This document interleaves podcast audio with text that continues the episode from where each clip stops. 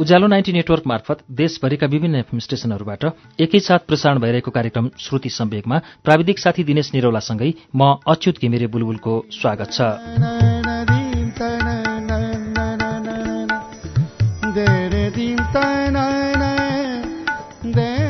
श्रुति सम्वेकको शुक्रबारको श्रृङ्खलामा हामी विगत छ श्रृङ्खलादेखि सुबिन भट्टराईको उपन्यास समरलभको वाचन सुन्दै आइरहेका छौं। आज यसको छैठौं श्रृङ्खला सुन्छौं। पाँचौं श्रृङ्खलासम्म आइपुग्दा अतीत र साया छुट्टिएका छन्। साया विदेशतर्फ लागेकी छन् भने अतीत धनगढीतर्फ लागेको छ। अब के हुन्छ? सुनौ। समरलभको छैठौं श्रृङ्खला पृष्ठ एक सय एक्काइसबाट।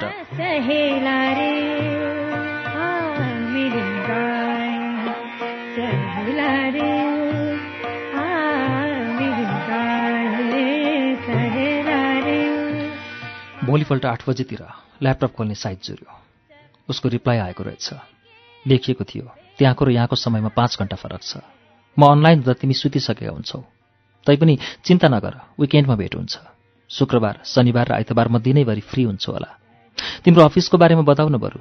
यहाँ आएपछि मैले सबभन्दा धेरै तिमीलाई नै मिस गरिरहेको छु अतीत। लभ यु अलट त्यसपछि अर्को प्याराग्राफमा किसको स्माइली थियो? मैले पनि अफिस र त्यहाँको परिवेशबारे सम्पूर्ण वृत्तान्त लेखेर पठाएँ र अन्तिममा उसकै स्माइली कपी पेस्ट हान्दे। शुक्रबार राति साया अनलाइन आउने प्रतीक्षामा बसिरहेको थिएँ। ऊ पनि अनलाइन आइछे लेखी अतीत उसले मेरो नाउँ मात्र लेखेकी थिए। मलाई एकदम आत्मीय फिल भयो। मैले पनि उसैको नाउँ टाइप गरेँ। म तिमीलाई हेर्न चाहन्छु अतीत। स्काइप छैन?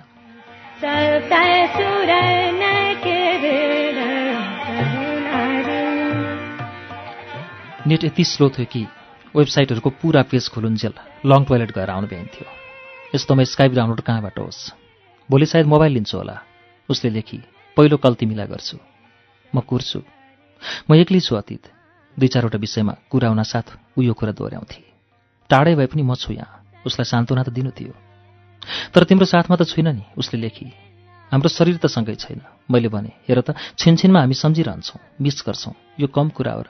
सोच त कति प्रेम गर्छौँ हामी आपसमा। सबैमा यस्तो प्रेम कहाँ हुन्छ र धेरै बेर यस्ता भावुक कुरा गर्न मन लागेन।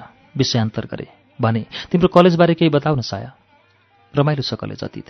तिमी सँगै भएको भए अझ कति रमाइलो हुन्थ्यो। अनि साथी बनायो त कोही? छ एकजना माराला भन्ने। झट्ट मेरो दिमागमा एउटा कुरा फुर्यो। लेखी पठाएँ। केही नयाँ फोटो खिचेकी छौ भने अपलोड गर न डियर। हुन्छ उताबाट रिप्लाई आयो। अस्ति एक दिन बाहिर फेरि निस्केका थियौँ त्यहाँ खिचेको फोटो राख्छु। तर खासमा भन्ने हो भने मुड नभएर हो। सधैँ मुड अफ गरेर काम चल्छ त मैले लेखेँ। म तिम्रो मुडन भएको हेर्न चाहन्छु साया। मुडन गराउने चिज नेपालमै छुट्याएर आएँ नि त उसले लेखी। म फिस हाँसेँ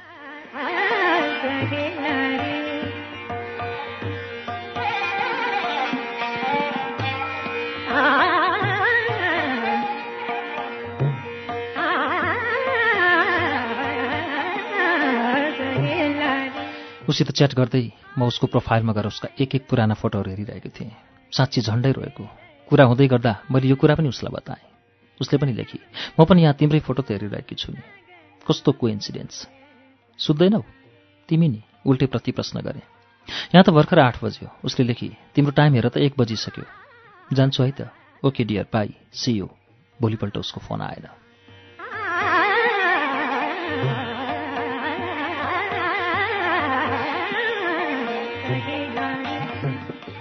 पर्सिपल्ट म आफ्नै क्याबिनमा शुक्लफाटा आरक्ष केन्द्रको एउटा रिपोर्ट रिभ्यू गर्दै थिएँ नयाँ नम्बरबाट फोन आयो। सायाको नम्बर रहेछ। मैले हिजो किन फोन नगरे कि भनेर सोधेँ। उसले भनी सिमलिना साथ पहिलो कल तिमीलाई गर्दैछु। अहिले कस्तो छ डिप्रेसन? मैले सोधिहालेँ। यसरी सिधै सोध्नु हुँदैन थियो सायद। तिमीलाई हेर्न मन छ अतीत? उसले मेरो कुराको सिधा जवाफ नदिएर भने स्काइप राख्दैनौ? राख्छु। भने अनि सोचेँ कहाँबाट राख्ने? नेट त्यही हो। कहिले? उसले सोधी। के उत्तर दिउँ म आफैलाई थाहा छैन।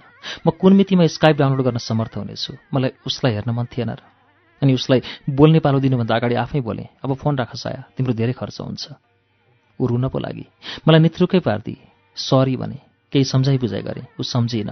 अनि एकैचोटि अन्तिममा अहिले राख्छु पछि गर्छु भने।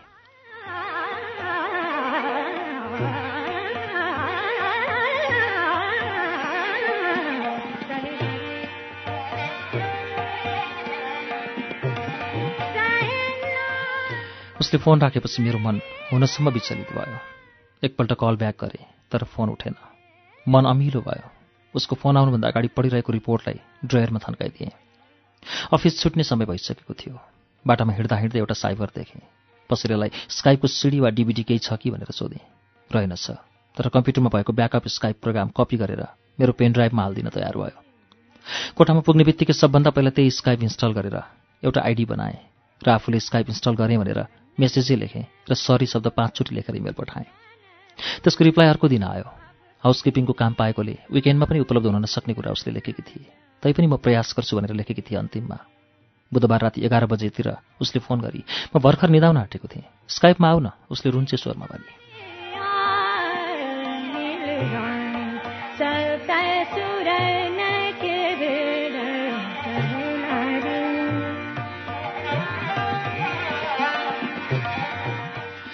के के नपऱ्यो भन्ठान्दै हत्तपत्त ल्यापटप खोलेँ।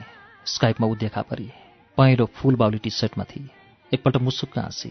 यता म पनि उसको हाँसोको रिप्लाई हाँसोले नै दिइरहेको थिएँ। सरी है सुतिसक्या भए उसले भने अनि एकपल्ट कान समाति। अस्तिको कुरा लिएर ऊ रिसाइकिरहेनछ भनेर म ढुक्क भएँ अनि भने सुतिहाले थिइनँ। ल्यापटप घुमाएर उसले मलाई आफ्नो कोठा जम्मै देखाई। मैले पनि उसलाई देखाएँ।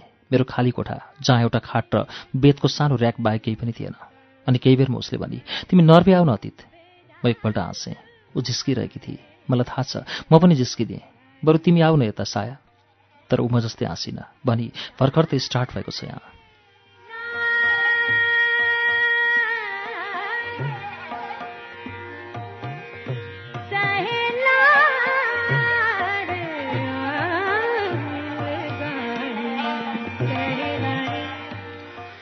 त्यसपछि मैले विषयान्तर गरेँ। उसले फेसबुकमा केही फोटो अपलोड गरेको बताए। मैले एकछिन है भन्दै तत्कालै फेसबुक खोलिवरी उसको प्रोफाइलमा गएर उसका फोटाहरू हेरेँ। एउटी अप्सेनीसँग र अर्की मङ्गोल टाइपकी केटीसँग तिनवटा फोटा सेयर गरेकी रहेछ। त्यो मङ्गोल केटी को मैले उसलाई सोधेँ। अप्सेनीबारे उसले बताइसकेकी थिए। माराला भन्थे उसको नाउँ। त्यो मङ्गोल केटी कम्बोडियन रहेछ। केली नाउँ कि? एकपल्ट नाउँ सुनेर हाँसेँ। म हाँसेको देखेर ऊ पनि हाँसेँ।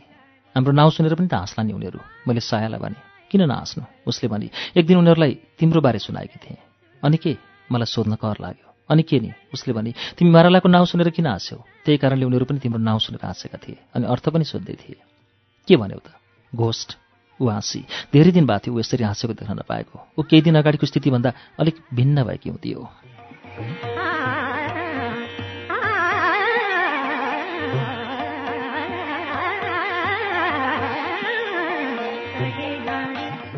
एक घन्टा जति कुरा भएपछि उसले मलाई सुत्ने आदेश दिए। उसको आदेशको पालना गरेर म सुतेँ। अर्को दिन फेरि स्काइपमा भेट भयो। उसले एकछिन है भनेर एउटा चुरोट सल्काएर देखाई मैले पिउन काम गरेको चुरोट उसले ज्यादा गरेको उसैको अभिव्यक्तिबाट थाहा पाइयो। तर पनि केही भनिन। आखिर उसलाई चुरोट खान सिकाउने गुरुमै थिए। यो तिमीलाई भन्दै एउटा चुरोट दिन खोजे जस्तो गरी उसले। म जबरजस्ती हाँसेँ। ऊ बरु अलिक मजाले हाँसिरहेकी थिए। यसरी स्काइप र फेसबुकमा कुरा गर्न थालेको महिना दिन भइसकेको थियो। सधैँ जसो फेसबुक खोलेर सायाकै प्रोफाइलमा झुम्बिएर रमाइरहन्थेँ म। त्यस्तै एक दिन ऊ अनलाइन आई। सधैँ चाहिँ पहिला मेरो नाउँले बोलाइ त्यसपछि एकैचोटि भनी अति हामी बिहा गरौँ। मैले त्यो कुरालाई खासै सिरियसली लिइनँ। अरू नै विषयमा कुरा गर्न लागेँ। अर्को दिन पनि उसले बिहा गरौँ भने यसरी जहिले भेट हुँदा पनि उसले बिहाको प्रसङ्ग उकाउन थाले। एक दिन उही प्रसङ्ग उकाउन साथ मैले भने सम्भव भए त हुन्थ्यो नि साया। उसले भने म आउँ त त्यहाँ। एक दिन त म अभाग भएँ। मिल्छ र सोधेँ मिलाउनुपर्छ। प्रयास गर न त साया। हुन्छ भनेर ऊ मसँग छुट्टिए।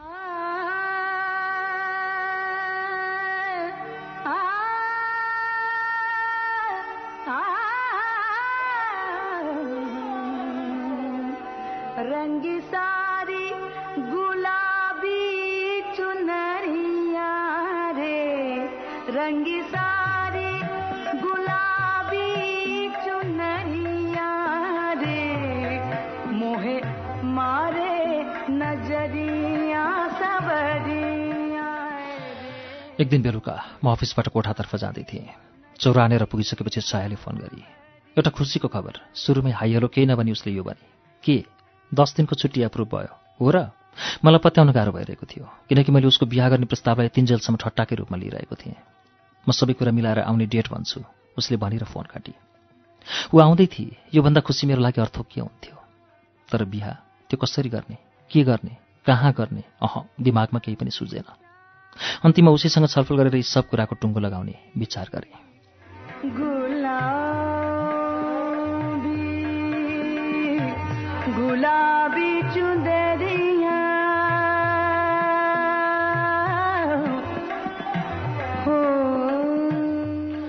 भोलिपल्टै राति नौ बजे उसले फोन गरेर स्काइपमा आउन भने महिनावारी पैसा तिर्ने गरी खाना खाने होटलमा म खाना खाँदै थिएँ।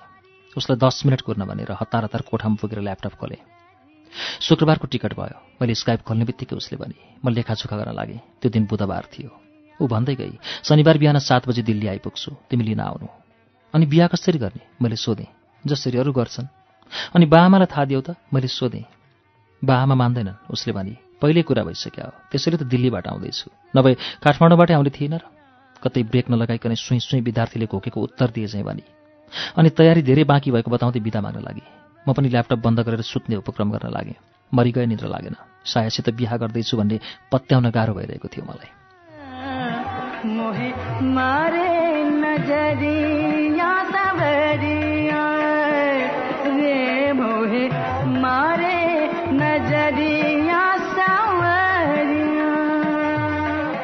भन्थे दिल्ली दूर नै तर दिल्ली यात्रा मेरा लागि लामो मात्र भएन। कष्टकर पनि उत्तिकै भयो। लाग्यो दिल्लीभन्दा दूर ठाउँहरू कुनै छैन। टनकपुरबाट अलि अगाडि बनवासा भन्ने ठाउँमा दिल्ली जाने बस लाग्थ्यो। महेन्द्रनगरबाट टाँगामा चढेर त्यहाँ गएँ। दिल्ली जाने नाइट गाडी एक डेढ घन्टापछि छुट्दै रहेछ। एउटा लामो गाडी नजिकै तेर्सिरहेको थियो। अगाडिपट्टि सिसाको भागमा गएर हेरेँ। दिल्ली जाने त्यही बस रहेछ। भित्र पसेँ साँझ झमक्क भइसकेको थियो वरपर बत्ती बल्न थालिसकेका थिए। पानी पर्न सुरु भइसकेको थियो। वनवासामा चहलपहल पनि महेन्द्रनगरको भन्दा बढ्दै थियो। जति नै पानी परिरहेको भए पनि आवागमन बाक्लै लाग्थ्यो। नेपाली नै ज्यादा थिए। पैसा कमाउन जाने वा कमाएर आएका नेपाली हुँदा हुन्। नेपाली जस्तो अनुहार देख्न साथ मलाई माया लाग्थ्यो। हरेक नेपाली मेरो आफ्नै दाजु वा भाइ हो चाहिँ लाग्थ्यो। अनि नेपाली महिला देख्दा दिदीबहिनी जस्तै कुनै तरुणी नेपालमा देख्दा जुन किसिमको कुदृष्टि लगाइन्छ त्यो सोचाइ अरू मुलुकमा पुगेपछि बदलिँदो रहेछ। भोक खासै लागेको थिएन तैपनि पसिहालेँ नजिकै एउटा होटेलमा।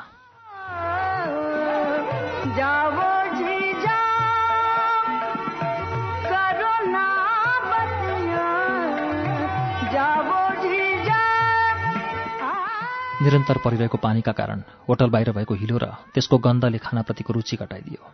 भित्रैदेखि दिगमिक दिगमिक लागिरहेको थियो। यस्तोमा कहाँ खान मन लागोस्? तैपनि बलजप्ती दुई पिस रोटी र तरकारी खाएँ। बनाउन भोलिपल्टसम्म बाँच्न खाएँ। एकैछिनमा गाडी स्टार्ट भयो। कन्डक्टर भाडा उठाउँदै आउँदै थियो। भाडा तिरिसकेपछि गाडी कति बजी हिँड्छ भने सोधेँ। उसले तुरन्तै हिँड्ने जानकारी दियो। नभन्दै दुई तिन मिनटपछि गाडी हिँड्यो। पानी झन् बेसरी बढ्न थाल्यो। म बसेको सिटमा छतबाट पानी चुहन लाग्यो। वरपर यसो हेरेँ अन्त पनि चुहिएकै रहेछ। बसभित्रका मानिस केही हल्लाखल्ला गर्न थालेका थिए। साथसाथै कोही पानी नचुहिने ठाउँ खोज्दै सरिरहेका पनि थिए। एक घन्टापछि बस रोकियो। बसभित्र बसिरहन मन लागेन। यसो घडी हेरेको साढे दस बजेको थियो। लोकल चाहिँ लाग्ने फुच्चे केटोलाई बोलाएर ठाउँको नाउँ सोधेँ। किच्छा भन्ने उत्तर दियो। मनमा नै दोहोऱ्याउन पनि मन लागेन। बिराना कुरा मनमा धेरै राख्न पनि मन नलाग्ने रहेछ। पानी निरन्तर परि नै रहेको थियो। मनभित्र एक किसिमको डर पनि वर्षात चाहिँ विद्यमान थियो। हाइवेमा गाडी आवत जावत गरि नै रहेका थिए। क्षणभरका लागि केही उज्यालो छर्दै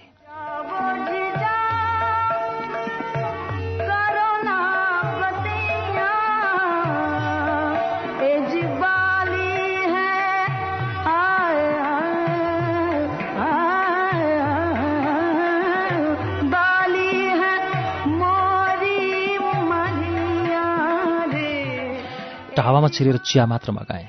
खानै सकिनु गुलियोले। दुई तिन घुटको पिएपछि छाडिदिएँ। ठिङ्ग उभिएर चुरोट झेकेँ गोजीबाट।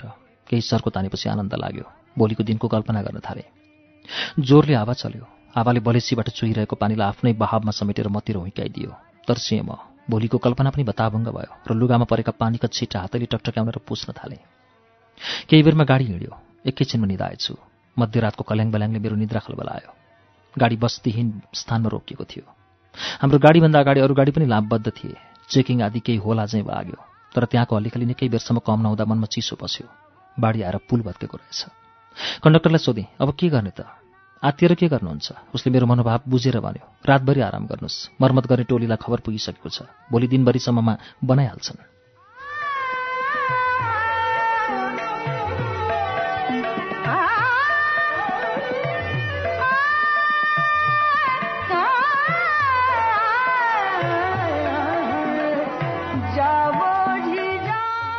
मेरो समस्या झन् बढ्यो।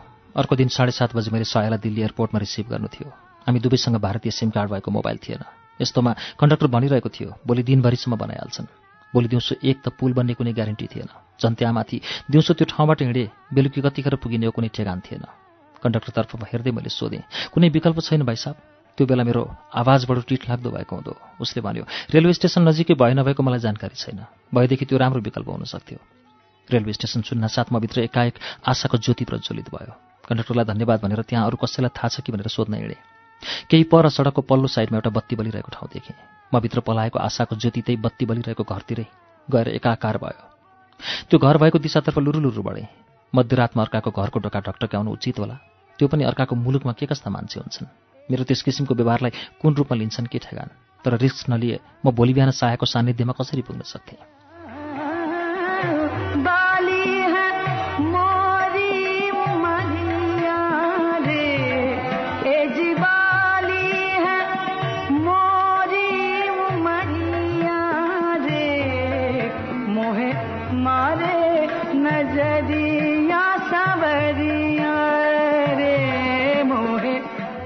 जे पर्ला पर्ला। त्यो घरको ढोका टकटकाउन थाले। ओठमाथि एक जोर झुसिल्की राजै जुङ्गा भएको एउटा मोटो काटो मान्छेले। आँखा मिच्दै ढोका खोल्यो। पाखुरासम्म आउने सेतो गन्जी र सेतै धोती लगाएको थियो उसले। उसको शरीर र व्यक्तित्व देखिसकेपछि उसलाई सिधै रेलवे स्टेसन कहाँ छ भनी सोध्नुभन्दा पहिला भूमिका बाँध्नु उपयुक्त ठानेर भएको सम्पूर्ण विवरण सुनाइदिए र सोधेँ यता नजिकै कुनै रेलवे स्टेसन छ?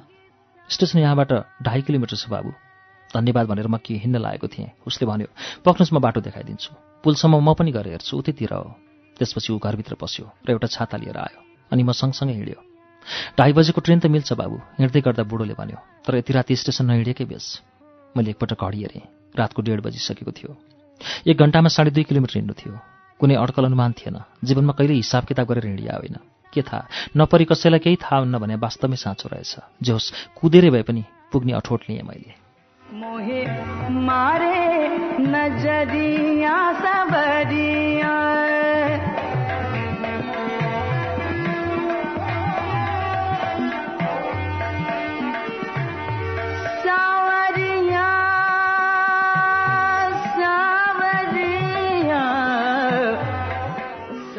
उसको सुझावको प्रत्युत्तरमा भने नगई नहुने भयो अङ्कल भोलि बिहान साढे सात बजी दिल्ली एयरपोर्टमा साथी आउँदैछ।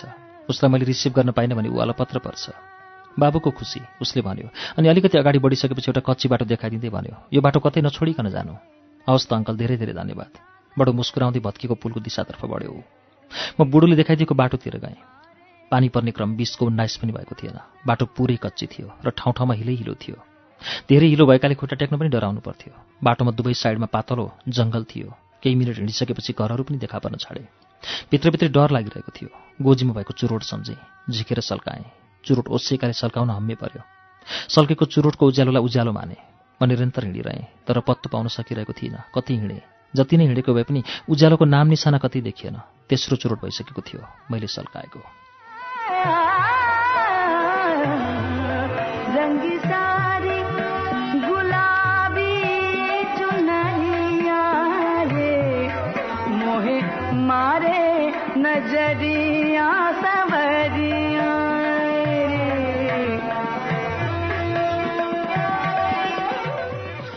बल्ल तल्ल केही पर बलिरहेका बत्तीको एउटा मसिनो पङ्क्ति फेला पारे।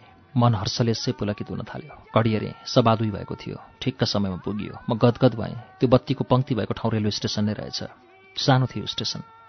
मध्यरातको समय। उसै पनि अविरल वर्षा। त्यसैले होला औँलामा गन्न पुग्ने मान्छे थिए। तर स्टेसन अत्यन्तै फोहोर। मान्छेले टेकेर आएको हिलोको रहल पहल सिमेन्टेड प्लेटफर्ममा लतपतिएकाले प्लेटफर्म पुरै घिनलाग्दो थियो। सुरुमै टिकट किनिहालेँ। बुढोले भनेको सही रहेछ। ट्रेन साढे दुईमा आउने थाहा पाएँ। केही पर चियाको स्टल रहेछ। त्यतैतर्फ लागे जाडोले शरीर पुरै चिसो भइसकेको थियो। चिनी कम भन्न बिर्सेछु गुलिए चिया खाइयो। शरीरमा केही मात्रामा भए पनि ऊर्जा आयो। साढे दुई भइसकेको थियो। टोइलेट छिरेर लागेर पिसाब फेर्न सुरु गर्दै थिएँ। परबाट ट्रेन आएको आवाज मेरो कानमा परिहाल्यो। टिकट काट्ने मान्छेले दुई तिन मिनट भन्दा बढ्ता रोकिँदैन भनेको थियो। हत्तपत्त पिसाबै ननिथारी ट्रेन रोकिने ठाउँतिर दौडेँ।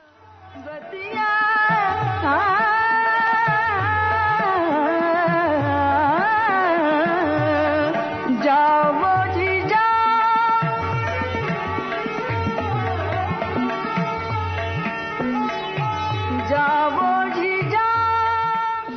टिकट थियो जनरल क्लासको। ट्रेन रोकिन साथमा जनरल क्लासको डब्बा खोज्न थालेँ। बल्ल तल्ल फेला पारेँ जनरल क्लास। तर डिब्बामा छिर्ने ढोकाइ बन्द। बाहिरबाट ढङढङ गरेँ मरे कसैले खोल्दैन। चालतिर गएर त्यहाँ पनि ढङढङ गरेँ। सब मस्त निद्रामा थिए। मानव अफिम खाएर सुतेका हुन्। केही लागेन। स्टेसनका कर्मचारीलाई भन्न जाउँ भने यता ट्रेन छोट्ला परेन फसाद। हेर्दा हेर्दै पाँच मिनटै बित्यो होला। ट्रेन त बिस्तारै फेरि कुद्न पो लाग्यो। जे पर्ला पर्ला भनेर कुद्दा कुद्दैको ट्रेनमा स्लिपर क्लास लेखेको डब्बाभित्र छिरिदिए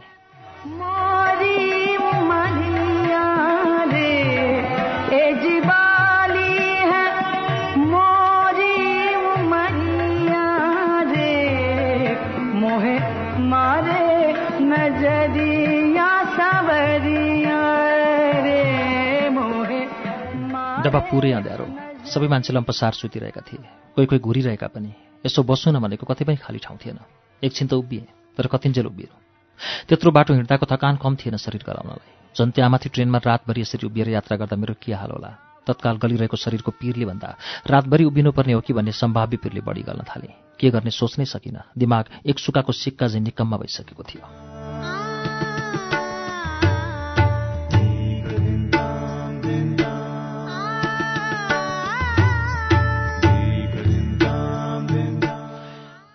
कार्यक्रम श्रुति सम्वेकमा अहिले तपाईँले सुनिरहेको वाचन सुबिन भट्टराईको उपन्यास समरलभको वाचन हो।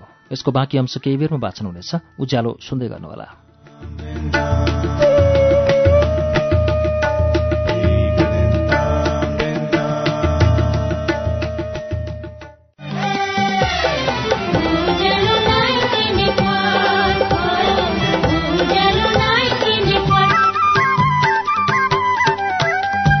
सीधा कुरा। प्रश्न विचार उज्यालो 90 नेटवर्क।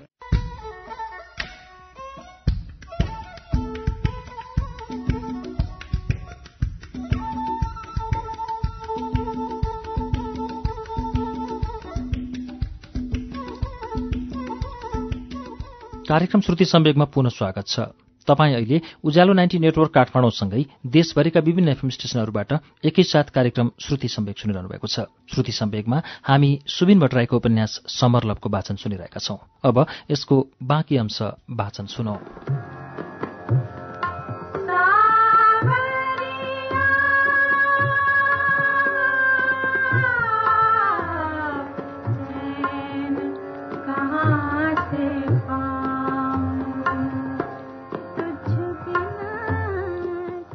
त्यसै बेला दुईजना पुलिस आफूतिर आइरहेको देखे। डरले एकाएक मुटुलाई मादल चाहिँ बजाउन थाल्यो। भारतीय सिनेमामा अपराधीलाई जेलमा चक्की पिसाउँदाको दृश्य झल्झल याद आयो। त्यस्ता दृश्यमा प्रायः हाँसिन्थ्यो आफैले त्यो दृश्य भोग्नुपर्ने हो कि भन्ने भयले मार हानिन लागेको खसी चाहिँ तर्सिए। दिमागमा केही नसुझेको अवस्थामा चोर चाहिँ उनीहरू आइरहेको दिशातिरकै साइडपट्टिको कुनो छानेर त्यहीँ लुके। उनीहरू आए गए पत्तो पाएनन्। एकछिनलाई ढुक्क भए तर लाग्यो म टिकट नभई चढेको मान्छे त होइन। अनि अलिकति सम्हालिए। भुइँमा टुक्रोको सक्दो खुम्चेर बसिरहेको थिएँ। आफ्नो शरीरलाई केही फुकाएँ केही हिम्मत आए चाहिँ भयो। तर हिम्मत पुरै बटुलिसक्न नपाउँदै अघि मेरै अगाडिबाट पास भएर गएका पुलिसमध्ये एउटा मेरो अगाडि टुप्लोको देखा पर्यो अचानक उसलाई देख्दा सातो पुत्लो उड्यो। तर त्यसले नरमै भएर सोध्यो सिटमा किन नबसेको भाइ? त्यो पुलिस नरम भएकोले मलाई पनि अलिकति साहस आयो। भने यो मेरो डब्बै होइन। अनि किन त यहाँ? त्यसपछि मैले सम्पूर्ण यथार्थ बताइदिएँ। अनि त्यो सबमा आफ्नो दोष नभएको जिकिर गरेँ तर ऊ नरम होला जस्तो देखिएन त्यसले बार्गेन गर्न लागे। मैले भने अलिकति मिलाउनुहोस् न आपसी कुरा त हो नि। कति दिन्छौ एकैचोटिमा मुख फरिहाले उसले। मलाई मनमा नै आनन्द लाग्यो। आफू सुरक्षित भएको महसुस गरेँ तर उसलाई कति दिने? सुन्या थिएँ भारतीय प्रहरीहरू एउटा बिडीमा पनि बिक्छन् भारतीय मात्र के र? यस्तो मामिलामा नेपालका प्रहरी पनि कम छैनन्। बिडी मसँग थिएन। चुरोट थियो।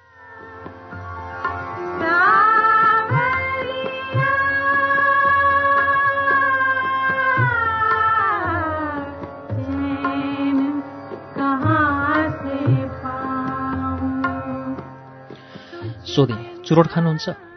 उसले खान्छु भन्यो। मैले गोजीबाट झिकेर दिएँ। उसले ट्रेनभित्रै सल्कायो। भित्तामा लेखिएको धुमपान गर्न मनाइ छलाई पुरै व्यवस्था गर्दै। झन् भारतमा सार्वजनिक स्थलमा धुमपान गर्नेलाई दुई सय रुपियाँ जरिवाना थियो। त्यो आफै कानुनको रखवाला थियो। उसले चुरोट सल्काएपछि मलाई पनि छुट हुने नै भयो। मैले नि सल्काएँ। म अर्काको देशमा गएर नियम तोडिरहेको थिएँ। एक किसिमले भनौँ न बडो मजा लागिरहेको थियो। उसले फेरि सोध्यो भन कति दिन्छौ उसैलाई सोधेँ तपाईँ भन्नुहोस् न कति लिनुहुन्छ? तिन सय। तिन सय अर्थात् चार सय अस्सी एनसी लगभग पाँच सय कति महँगो। एकछिन अगाडि काटेको टिकटको मूल्यभन्दा पनि बढी कत्रो डिमान्ड। प्रहरीहरू धेरै महँगा भएछन्। यो त मैले काटेको टिकटको मूल्यभन्दा पनि बढी भने म पनि के कम? ठिक छ दुई सय देऊ न त उसले भन्यो। मलाई घटाउन गाह्रो लागिरहेको अवस्थामा उसैले झ्याम्मै पुरै एक सय घटाइदियो। मैले पर्स चेकेँ सयको नोट निकालेर हातमा राखिदिँदै भने दुई सय त अलिक अप्ठ्यारो हुन्छ। एक सयले काम चलाउन है सर। एकपल्ट दायाँ बायाँ हेऱ्यो अनि पैसा गोजीमा हाल्दै भन्यो ठिक छ ठिक छ तर यहाँ बस्नु पाउँदैन उता मैले भनेको ठाउँमा बस्नुपर्छ। उसले गोजीमा पैसा हालिसकेपछि मलाई आफ्नो जितले बिछट्टै खुसी दियो। मनमा नै गदगद भएँ। कतिखेर सायालाई भेट्नु र यी सब सुनाउनु चाहिँ लागिरह्यो।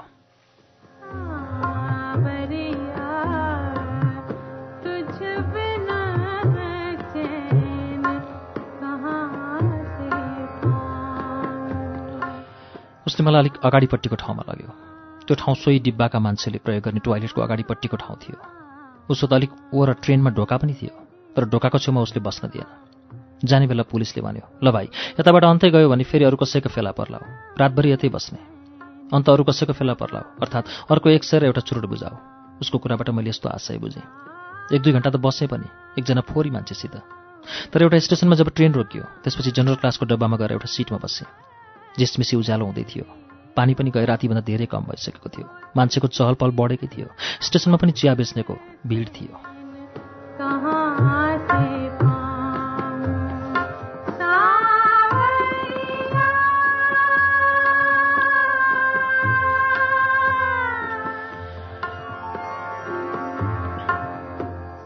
चियाको तलतल त मलाई पनि लागिहाल्यो। ओर्लेर गई चिया पिएँ। ट्रेन छुट्ला कि भन्ने भए पनि थियो। त्यसैले चियावालालाई अग्रिम भुक्तानी गरेर चिया पिइरहेको थिएँ। बिहान हुन आँटिसकेको थियो। सायालाई समयमै रिसिभ गर्न नसक्ने हो कि भन्ने भए धनगढी छाडेदेखि नै पटक पटक लागिरहेको थियो। मेरो पुरै ध्यान त्यसैले चियामा कम र ट्रेनमा ज्यादा थियो। चिया त के थियो? पेटमा पुगेपछि यसै काम गरिहाल्थ्यो। उसैमाथि गुलियो न गुलियो चिया। कुन स्वाद लिएर खाइरहेको थिएँ र? चिया पनि खाइ नसक्नु र ट्रेनको पनि ठ्याक्कै हिँड्ने समय हुनु कस्तो संयोग? बसेर जान पाइँदै थियो। खुसीको कुरो। करिब साढे साततिर पुरानो दिल्ली रेलवे स्टेसनमा ओर्लिएँ। एयरपोर्ट पुग्नु थियो। मेट्रो ट्रेनको कुनै जानकारी थिएन। त्यसैले स्टेसन बाहिर निस्केर एउटा अटो पक्रेँ। एयरपोर्ट नजिकै होला भन्ठाने त्यसले पनि झन्डै पैँतालिस मिनट लगाइदियो। बाटोभरि दिल्ली एयरपोर्टलाई मैले त्रिभुवन अन्तर्राष्ट्रिय विमानस्थलसितै तुलना गर्दै कल्पना गरिरहेँ। तर कल्पना गरे अनुरूप सबै कुरा कहाँ हुन्छ र? त्रिभुवन विमानस्थलभन्दा कता हो कता विशाल? त्यहाँमाथि विभिन्न टर्मिनल। सायाले अघिल्लो दिन फोनमा टर्मिनलको नम्बर भनेकी थिएँ तर मैले बिर्सिएछु। कसलाई सोध्नु? यत्रो ठुलो एयरपोर्टमा कता जानु? के गर्नु? म पुरै अन्यलमा रहेँ। झन्डै झन्डै साढे आठ भइसकेको थियो। न कुनै फोन सम्पर्क थियो न कुनै निश्चित तालिका। यस्तो अवस्थामा के गर्ने भनेर पुरै योजना पनि बनाइएको थिएन। अचानक कहाँबाट उसले टर्मिनल टू भनेको दिमागमा आयो। त्यो पत्तो लगाउन मलाई बेर लागेन।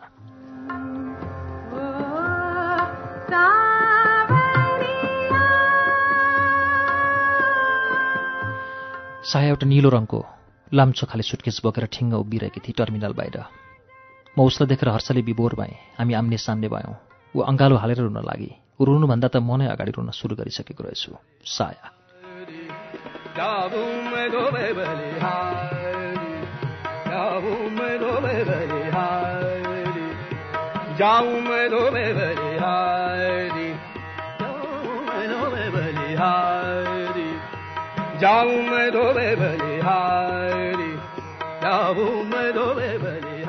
एकै महिना त भएको थियो हाम्रो बिछोड भएको।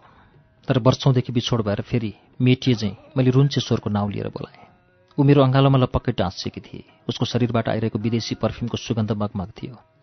मलाई त्यो पललाई जीवनभरिका लागि कैद गर्नु जस्तो लागिरह्यो। समय त्यही अवस्थामा रोकियो हुन्थ्यो जस्तो लाग्यो। एक दिन दिल्लीमै आराम गर्न मन थियो। रातभरिको त्यो तनाव र दुःखलाई एक रात दिल्लीमा बिसाउनु पाए। कति आराम हुन्थ्यो होला। तर सायाको बसाइ पनि छोटो थियो। केवल एक हप्ताको बसाइमा एक रात दिल्लीमा बिताएर भोलिपल्ट हिँड्नु भनेको। भोलिपल्टको दिन पनि पुरै सत्यानाश गर्नु थियो। हामीले केही बेर फ्रेस भएर खानासाना खाने अनि नाइट गाडीमा जाने सल्लाह गऱ्यौँ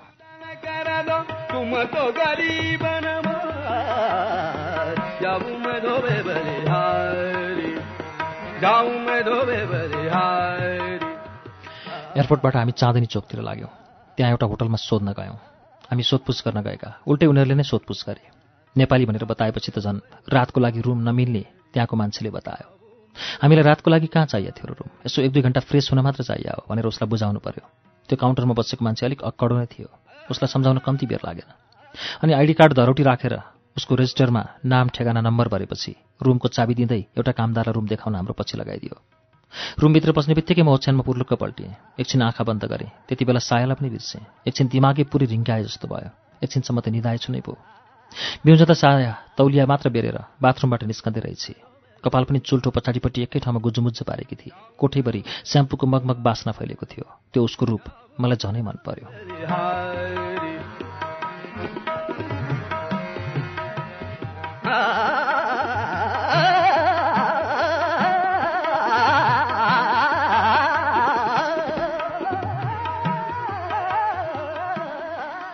नुहाउँदैन उसले तौलियामाथि कुर्ता लगाउँदै मतिर छड्के आँखा लगाई।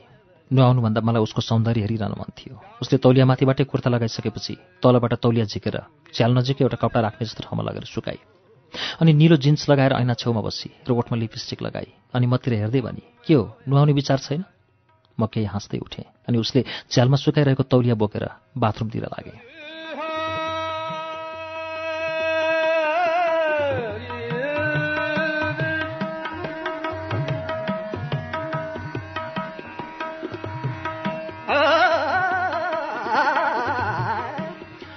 दिनभरि दिल्लीमा भ्याउन सक्ने ठाउँ घुम्यौँ धेरै ठाउँ त के भ्याइन्थ्यो? उही लाल किल्ला कन्नड प्यालेस र पालिका बजार घुम्यौँ मेट्रो चढ्यौँ। पालिका बजारमा उसले दुईवटा टी सर्ट किने। मलाई भने फजुल खर्च गर्न मन परेन। त्यसपछि नाइट बस चढेर आफ्नै देश फर्क्यौँ। फर्कँदा धनगढीदेखि दिल्लीसम्मको यात्राको सम्पूर्ण विवरण मैले उसलाई दिएँ। उसले निकै उत्साहपूर्वक मेरो यात्रा विवरण सुनिरहे। यात्रा थाहै नपाइसकियो। जाँदा दिल्ली अति टाढा लागिरहेको थियो तर फर्कँदा दिल्ली दूर नै जस्तो लागिरहेको थियो।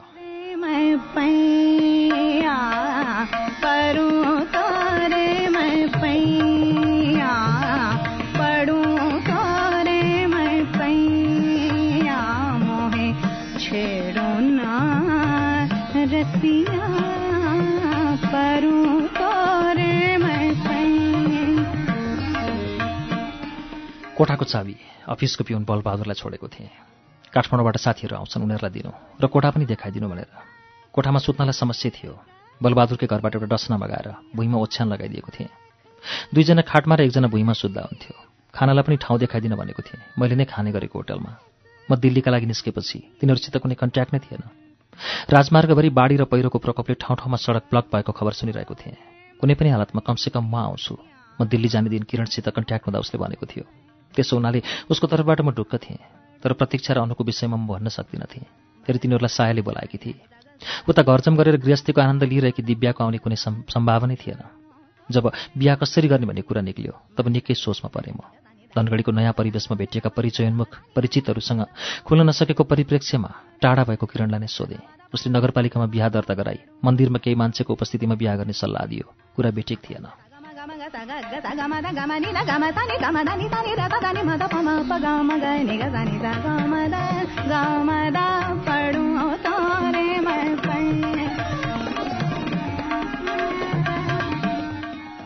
तर घरमा अहिलेसम्म सायाको विषयलाई लिएर कुनै कुरा उठाएकै थिएन।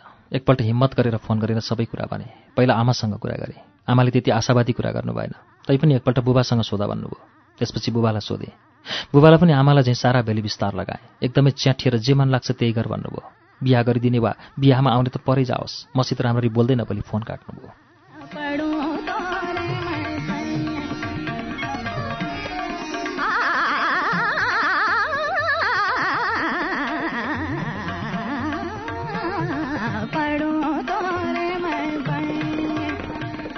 ओस्लोबाट उड्नु अघि साया मलाई दिनमा चार पाँच पटक कल फोन गर्थे। क्याबिनमा म के गरिरहेको छु भन्ने कुरा बाहिरबाट सबै देखिन्थ्यो। मभन्दा जुनियर स्टाफ उपेन्द्र र रामप्रति मेरो क्रियाकलाप एकदम नियाली नियाली हेर्थे। पछि त रिसेप्सनिस्ट सुस्मिता पनि मतिर हेर्दै लजायजै गर्न थालेकी थिए। ठिक दिल्ली जानुभन्दा दुई दिन अघि रामप्रीतले मलाई सोधेको थियो सर बिहा गर्न लाग्नुभएछ? मधेसी मुलको रामप्रीतको नाक आइसक्रिमको कोन जस्तो थियो। आँखी भाउ एकदमै बाक्लो नर्मल मान्छेका दुवै आँखाका आँखी भाउको परिमाण बराबर उसको एउटै आँखामा थिए। उसको आवाजमा मधेसी टोन प्रष्ट आउँथ्यो। धेरै बिस्तारै बोल्थ्यो। मुखमा जतिखेर पनि पराग हालेको हुन्थ्यो। चपाइरहेको पराको झोल भुइँमा झर्ला भन्ने पिरले होला। ऊ मुख जबरजस्ती बन्द गरेर बोल्थ्यो। यसो गर्दा उसको चिउँडो नाकको लेभलबाट अलिकति अगाडि आउँथ्यो।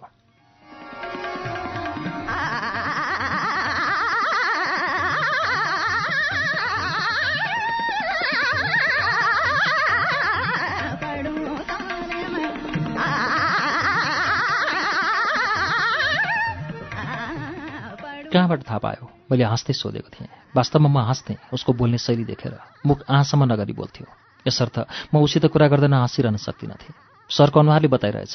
उसले अलिकति हाँस्दै भन्यो अनुहारमा लेखेको छ?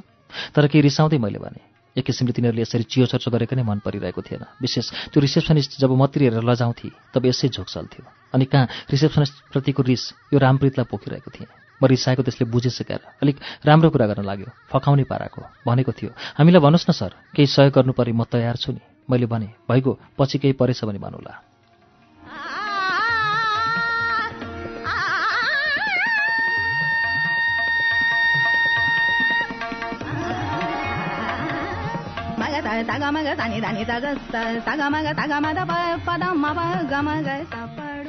त्यसपछि ऊ पराग चपाउँदै त्यहाँबाट जान लाग्यो।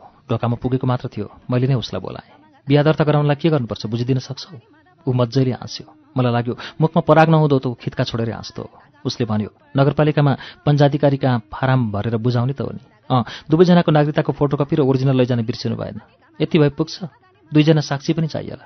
जानकारीका लागि मैले उसलाई धन्यवाद दिएँ। अनि ऊ जाने लागेको बेला भने तर रामप्रीत यो कुरा गोप्य राख्नु। ऊ हाँस्यो मात्र। सायद यो गोप्य नराख्ने सङ्केत थियो।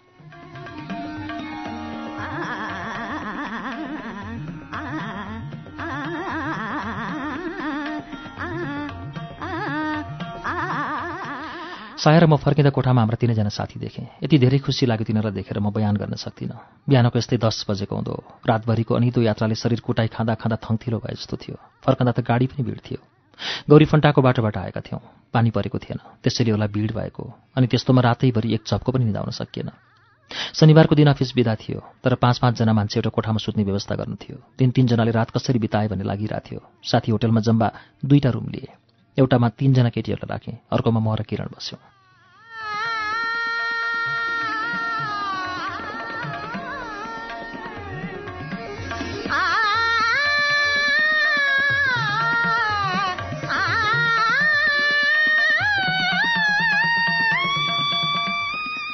थकाइ डह्रो लागेको थियो। मलाई त दिनभरि सुत्न मन थियो। तर ती तिनैजना आगन्तुकले मलाई बेहुला भएर कहाँ सुत्ने भन्दै जिस्काएर सुत्नै दिएनन्। सायाले पनि सही थपी प्रतीक्षा र अनु आएर सुत्न लागिसकेको मलाई च्याप्पै पाखुरामा समातेर उठाइहाले। त्यहाँमाथि साया साया आएर अझ काउकुती नै लाउन लागि। यत्रो बेर चुप लागेको किरण पनि उठेर मलाई काउकुती लाउन थाल्यो। लाग्न लागेको निन्द्रा पनि सबै भाग्यो मेरो।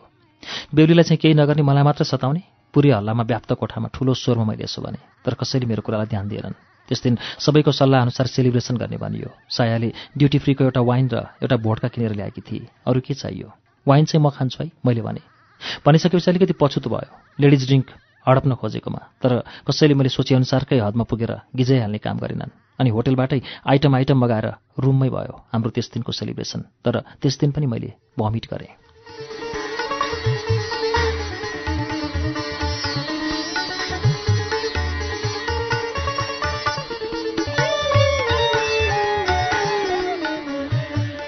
श्रुति सम्वेकमा यतिन्जेल तपाईँ सुबिन भट्टराईको उपन्यास समर लभको वाचन सुन्दै हुनुहुन्थ्यो। यो वाचनसँगै आजलाई श्रुति सम्वेकको समय सकिँदैछ। कार्यक्रमबारे तपाईँका सल्लाह सुझाव वा प्रतिक्रियाका लागि हाम्रो ठेगाना कार्यक्रम Shruti Sambeg Ujyaalo ninety network post box number छ चार छ नौ काठमाडौँ।